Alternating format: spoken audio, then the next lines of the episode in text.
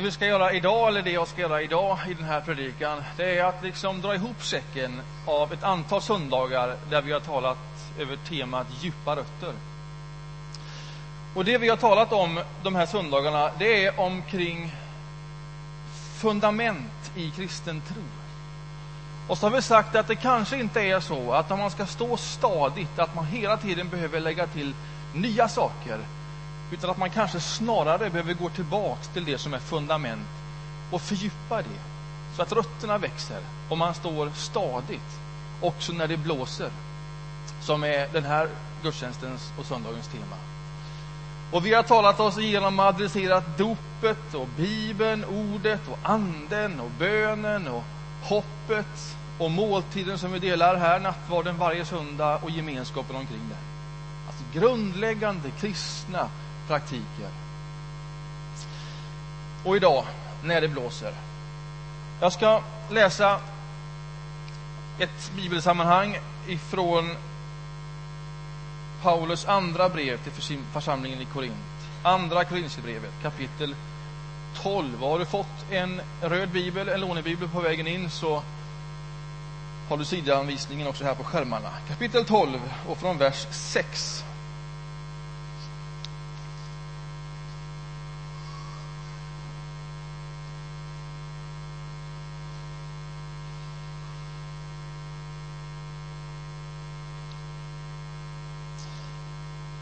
Står så här. Om jag skulle vilja skryta är jag ändå inte från förståndet. För vad jag då skulle säga är sant. Men om jag avstår för att ingen ska tänka högre om mig än han gör när han ser eller hör mig. Och för de väldiga uppenbarelsernas skull, för att jag inte ska bli högfärdig, har jag fått en tagg som sticker mig en ängel från Satan som misshandlar mig så att jag inte blir högfärdig. Tre gånger har jag bett Herren att, han, att den ska lämna mig i fred. Men han svarade, min nåd är allt du behöver. Ja, i svagheten blir kraften störst. Därför vill jag helst skryta med min svaghet, så att Kristi kraft kan omsluta mig. Jag gläds åt svaghet, förolämpningar, svårigheter och förföljelser och nöd när det är för Kristi skull. Ty när jag är svag, då är jag stark.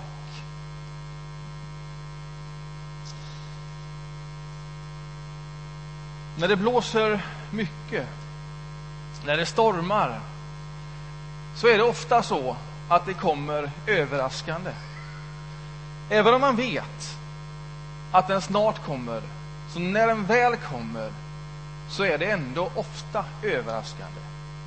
Om man har varit på havet och seglat och ska förflytta sig och du måste förflytta dig en viss sträcka, en viss tid och du har rapporterna och så vet du det att ja, men det ska blåsa upp ganska rejält imorgon, förmodligen och så tittar man ut på vädret och så ser man här är blå himmel, det blåser inte så mycket. Vi gör den här förflyttningen och du har hela kunskapen, teorin om att ja, men, snart, snart blåser det på och så ger man sig ändå iväg för det ser ju så fint ut. Och så kommer det nästan alltid överraskande. Som att det inte riktigt gick att förbereda sig. Som att allt ombord på båten inte var så förberett som det skulle behöva varit för att verkligen ta sig an den här stormen. Så är det med livet, tror jag. Så är det med det vi precis har hört här. Minnesord över dem som har dött. Alltså, vi vet alla att vi ska dö. Och även fast vi vet det, och fast vi också vet kanske att det kommer ske snart, på grund av sjukdom eller på grund av ålder, så är det ändå så att när det väl sker så sker det ofta överraskande. Som att man ändå inte riktigt kunde vara helt beredd på det. Beredd på känslan, beredd på saknaden, beredd på sorgen, beredd på allt det som också kom med när det blåste till rejält. Stormen kommer ofta plötsligt. Och det får man nog säga att i ett liv går det inte helt att undvika blåst eller storm på olika sätt. För den som befinner sig mycket på havet, för den som lever sitt liv går det inte helt att undvika blåst. Det är en del av våra liv. Men man kan kanske förbereda sig så att när det blåser, att jag då lite grann är förberedd på att det åtminstone kommer blåsa. Det är det vi har försökt antyda under den här serien med djupa rötter. Alltså det går att förbereda sig, att skapa rötter som gör att när det blåser, att man då står lite stadigare och lite förberedd. Sen läser man den här texten ifrån Paulus. Och sen tycks han ta det här ännu ett steg. Att inte bara vara förberedd, utan han säger och ser till och med blåsten som en möjlighet och gläds åt den. Och när man läser det så kan man ju tänka, men nu går han ett par steg för långt. Så det kan man inte säga. Ingen kan glädjas åt blåsten. Ja, men Paulus gör det. Han gläds åt svagheten och förolämpningar och svårigheter och förföljelser och nöd när det är för Kristi skull. Ja, men gör han verkligen det? Tar han inte i nu, Paulus? Ja, det man kan säga om man läser texten, det är ju att han strävar ju inte efter någonting av det som man gläds över. Det är ju paradoxalt. Han strävar ju inte efter någonting av svaghet och förolämpning och svårigheter och förföljelser och nöd. Så att det är det han söker och det han vill ha in i sitt liv. Man strävar inte efter en storm och blåst. Men det tycks vara som att ibland väljer man inte det, utan det hör till livet. Det blåser till, det gungar till, det stormar till. Det går inte att helt undvika det, att helt navigera förbi det. Så vill jag läsa Paulus. Och om man inte helt kan navigera förbi stormen, om den är en del av våra villkor, vad gör man med den? Kan det till och med bo en möjlighet i det, om vi ändå inte kan välja bort det helt och fullt? Och så läser jag Paulus. Och så tänker jag, men tänk om det är så. Tänk om det faktiskt bor en möjlighet i detta. I all sin svårighet. Vad är det han talar om för blåst? Ja, han talar ju om de yttre omständigheter som, som liksom ligger på honom när han berättar om Jesus Kristus. När han är ute på sina resor men jag tänker mig att man kan läsa texten bredare än så här. Man kan läsa den om väldigt många av våra yttre omständigheter som vi inte rår på, utan som bara dyker in, som vi har att hantera. Liksom han hade sina yttre omständigheter att hantera och inte kunde välja bort. Jag tror det här handlar om de yttre omständigheterna som begränsar det liv som vi vill leva, det goda livet. Och tänk om det är så, tänk om det är så som Paulus säger, att med allt det här som begränsar vårt liv, som vi inte helt och fullt kan navigera förbi, som vi liksom har att hantera, tänk om vi inte bara, bara behöver vara offer för de yttre omständigheterna, utan också att det finns någon möjlighet i det om vi ändå inte kan välja bort det? Här gör Paulus mig nyfiken. Så tänker jag att de här blåstarna, de här, det här som Paulus talar om är inte bara de yttre omständigheterna. Han talar också om svaghet och där läste jag honom som alltså inre svaghet. Det jag här internt går och bär på. Som försätter mig i situationer där jag inte ville bli försatt. Jag tror man kan prata om svaghet och synd som begrepp är besläktade med varandra i, den här, i det här läget. Synd, säger man, det är inte så enkelt ord, det är inte så gångbart.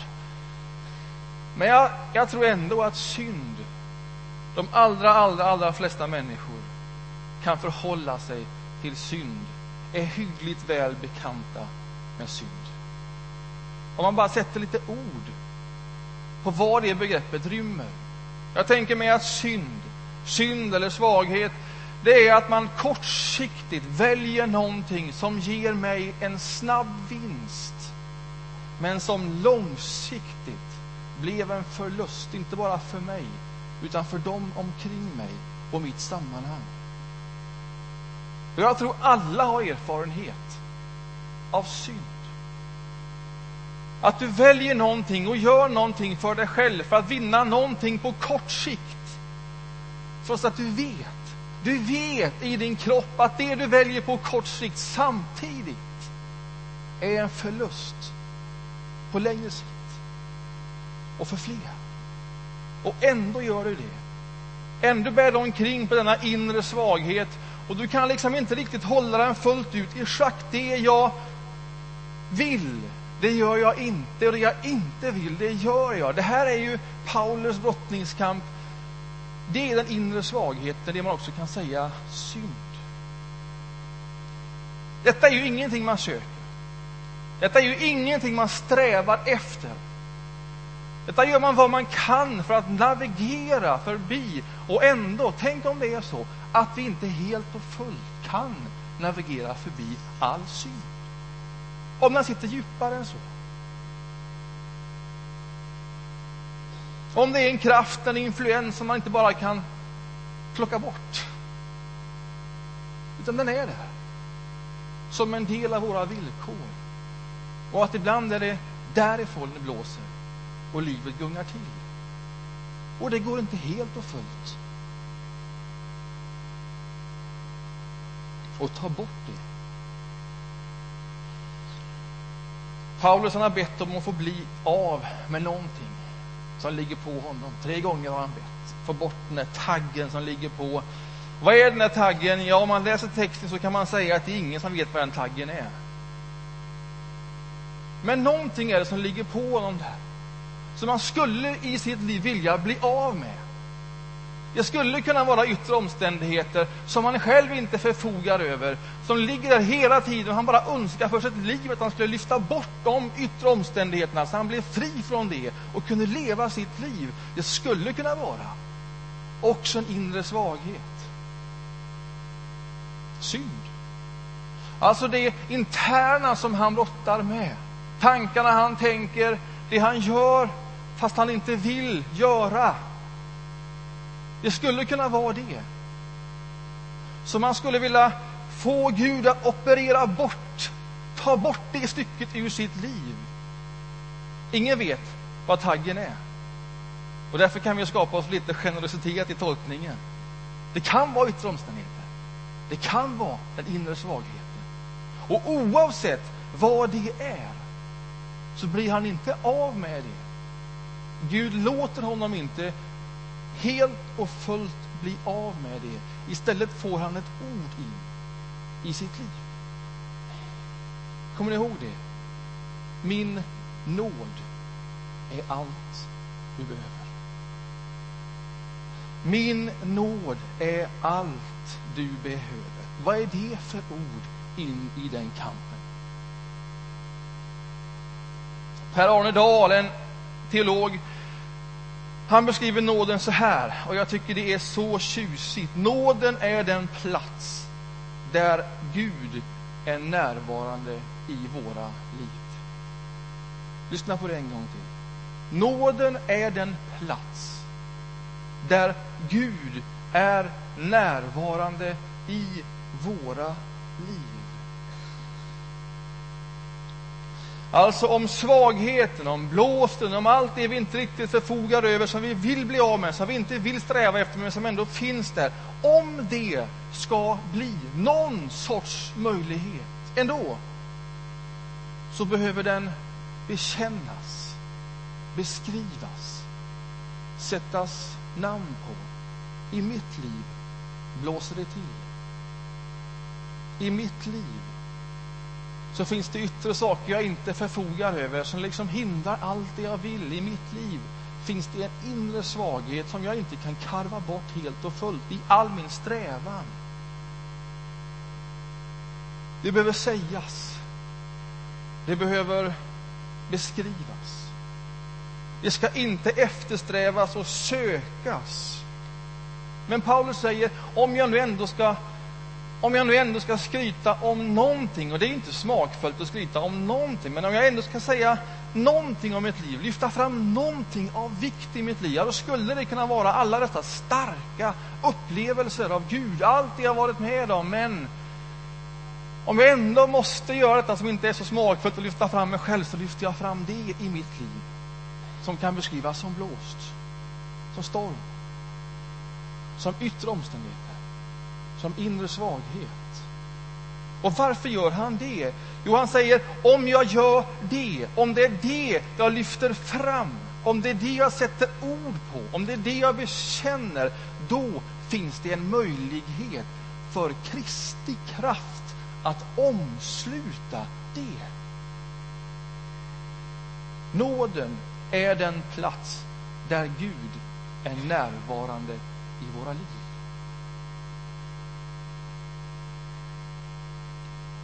Hur kan nåden, hur kan blåsten i mitt liv, i vårt liv, också bli en möjlighet? Om vi nu inte helt och fullt kan välja bort den. Om jag läser min Paulus rätt, och om jag har fått ihop den här teologin, så är det om jag genom min svaghet och i den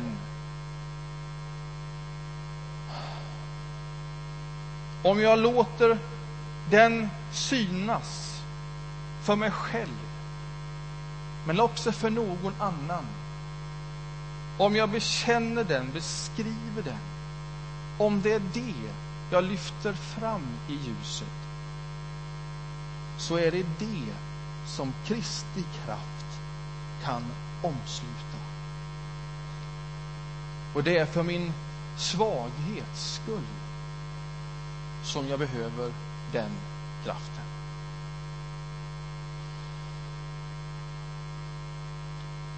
När man ser ut över en sån här skara, som i den här gudstjänsten, så ser det på ytan stå så fint ut. Välvårdat, trevligt. Och så är det också. Men när man dyker in här så kan man fundera över, alltså blåser det någonting i den här kyrkan överhuvudtaget? Eller är det precis så här fint och välvårdat och trevligt som det först kan tyckas? Är vi alltid så här glada? Ja, naturligtvis inte. Och det vet vi också. Men nu då så behöver vi säga det till varandra. I den här kyrkan blåser det också. Här blåser det kors och tvärs. Här blåser det från olika håll och av olika skäl. Här blåser det genom yttre omständigheter. Här blåser det genom inre svaghet. I den här församlingen stormar det mer än vad du kan se och läsa av på ytan i en sån här gudstjänst. Var så säker. Och vet att du är i gott sällskap. Vet att du inte kan välja bort detta, karva ur den delen ur ditt liv. Du behöver inte sträva efter storm och vind och svaghet. De kommer i din väg, vare sig du vill eller inte. Olika mycket och på olika sätt. Och om det är ditt liv om det är ditt liv, att du eh, gör det du inte vill göra. Och det du inte vill göra, det gör du. Om det är ditt liv, att du, att du tog det där klivet, steget, valen, handlingen som gav dig en kort vinst, men som blev en längre förlust, trots att du visste Alltså om det är ditt liv, att du läser de där berättelserna om människor som, som jobbar lite för mycket. Som liksom kom in i den där snurren och som sen till sist på något sätt inte visste hur man skulle ta sig ur den där snurren. Och alla andra fick lida för det. Du visste det. Och ändå hamnade du precis där som du inte ville hamna med ditt liv. Om du är den av oss som i de där märkliga omständigheterna plötsligt, trots ditt lyckliga äktenskap, flörtade med en annan människa. Om du är den av oss som svek sig själv. Eller som bara, de där orden bara kom ut. Alltså om det är ditt liv, då är det samma hälsning till dig som till Paulus. Guds nåd är allt du behöver. Alltså, du kommer aldrig ifrån detta och därför, Guds nåd är allt du behöver. Varför då? Jo, för att Guds nåd, det är den platsen där Gud är närvarande i ditt liv.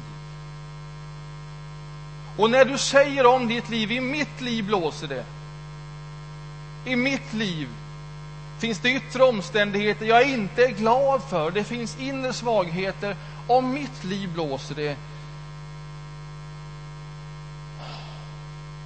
När du säger det, sätter ord på det för dig själv och för någon annan så kan Kristi kraft omsluta ditt liv. Det är som att det ena är en förutsättning för det andra. Vad är den här nåden? Alltså jag tänker mig att den här nåden, det är den externa rösten och omsorgen som hjälper oss med det vi inte själv klarar av, av egen. Jag säger det en gång till. Nåden, det är det vi har talat om den här hösten. Det är den externa rösten och omsorgen om människor och strukturer som hjälper oss med det vi inte själva klarar av. Nåden, det är det som ger oss rötterna, som får oss att stå när det blåser. Nåden är det stöd vi har för vår svaghets skull.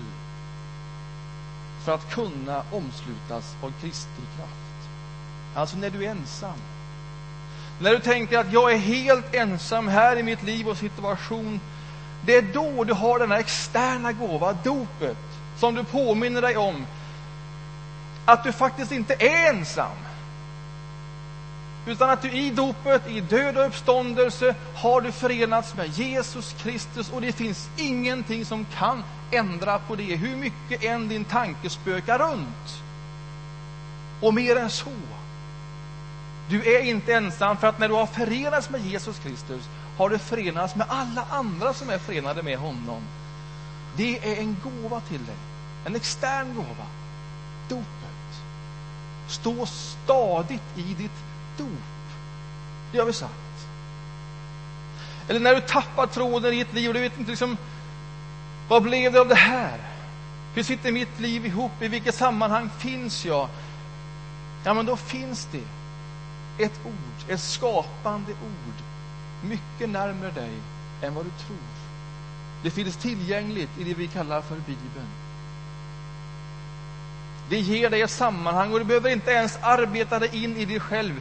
Utan det kan komma in i ett sammanhang, en gudstjänst, en mindre grupp, där man läser det, reflekterar över det. Och så kan det ord som där i ges skapa någonting nytt. Att du får fatt i din tråd i livet igen. Det är en extern gåva, ordet. Och när du inte vet hur du ska be, slappna av. Därför att i dig finns helig ande. Och helig ande utforskar alla dina djup, liksom den utforskar Guds djup. Och den som förstår alla våra djup förenar dem i en bön, i en ordlös bön. Och den bönen pågår hela tiden, även om du inte själv orkar, vill eller vet hur du just nu ska be. Koppla av. Och kanske orkar du be, kom helig Ande. Ja, du som finns i mitt liv. Du som känner hela mitt djup, liksom Guds, Faderns djup. Och du som förenar de här djupen på ett sätt som jag inte intellektuellt kan förstå. Kom, helige Ande. Det där pågår. Liksom du kan låta dig bäras av andra människors bön. Det finns få saker som är så starka när det stormar som att låta sig bäras av andra människors bön. Exponera dig för det. Det är en del i din förberedelse, en del i dina djupa rötter, att när det blåser, då finns det sammanhanget där du bes för. Och när det blåser mindre hos dig, där du ber för. Och därför vill vi i varje gudstjänst bjuda in till förbön, för vi vet att det blåser kors och tvärs och att vi behöver kraft i vår svaghet. Och därför ber vi för varandra jämt. Jämt. Det finns i gudstjänsten, det finns i en mindre gemenskap. Det är en av dessa externa strukturer varigenom Guds nåd ges dig. Och när du inte har tillgång till eget hopp längre, då behöver det finnas i ett sammanhang där något hopp lever. Där man ser strimmor av ljus, av Guds rike som bryter igenom. Och det får liksom bara finnas i den miljön.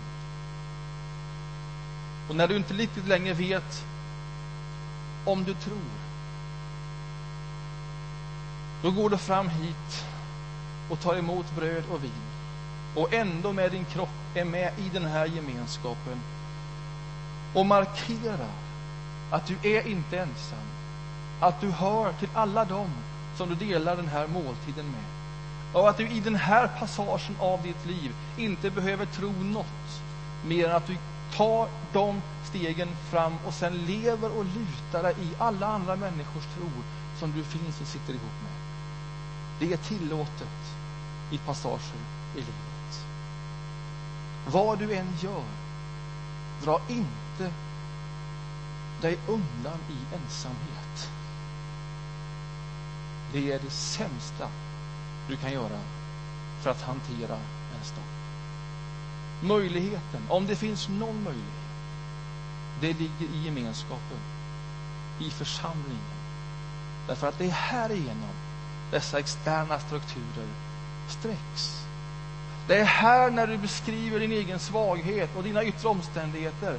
Det är här som Kristi kraft kan omsluta ditt liv.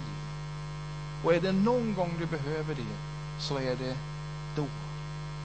Dra dig inte undan i ensamhet. Och det här är väl en utmaning för en församling som vi. Att inte bara tala om våra styrkor som vi älskar att göra. Utan att bli transparent med svagheten så att Kristi styrka kan omsluta den. Vet du, starka människor som bara har råd att ge. Som aldrig någon gång riktigt bjuder in till sina egna frågor och kamper. Som om svagheten där inte fanns. Sådana människor står vi i längden inte ut med. Därför att vi vet att det är någonting i det som inte stämmer. De kan omöjligt vara så olika mig. Det blir en helt asymmetrisk relation. Och vi behöver helt andra relationer för att Kristi kraft ska omsluta svaghet. Vi behöver konstatera och bekänna för varandra. Nog blåser det också här. Inte från samma håll, inte samtidigt, men kors och tvärs. Göm dig inte. Guds nåd är allt du behöver. Amen. Vi förenar oss i en bön.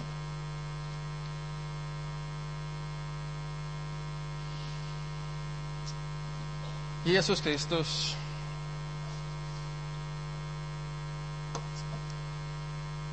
Du känner våra liv, du vet vad det är att vara människa, du vet vad det är vi står i. Du som ingen annan vet vad vi sliter med. Du vet vad en storm är, du vet vad en vind är. Du vet vad yttre omständigheter är som man liksom inte rår på. Du vet vad inre kamp är. Ingenting av allt det som är våra liv är okänt för dig. Tack att vi inte står ensamma i denna vår kamp, i blåsten, i svagheten.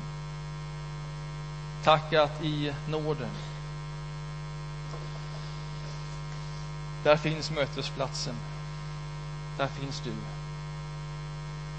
i våra liv. Amen.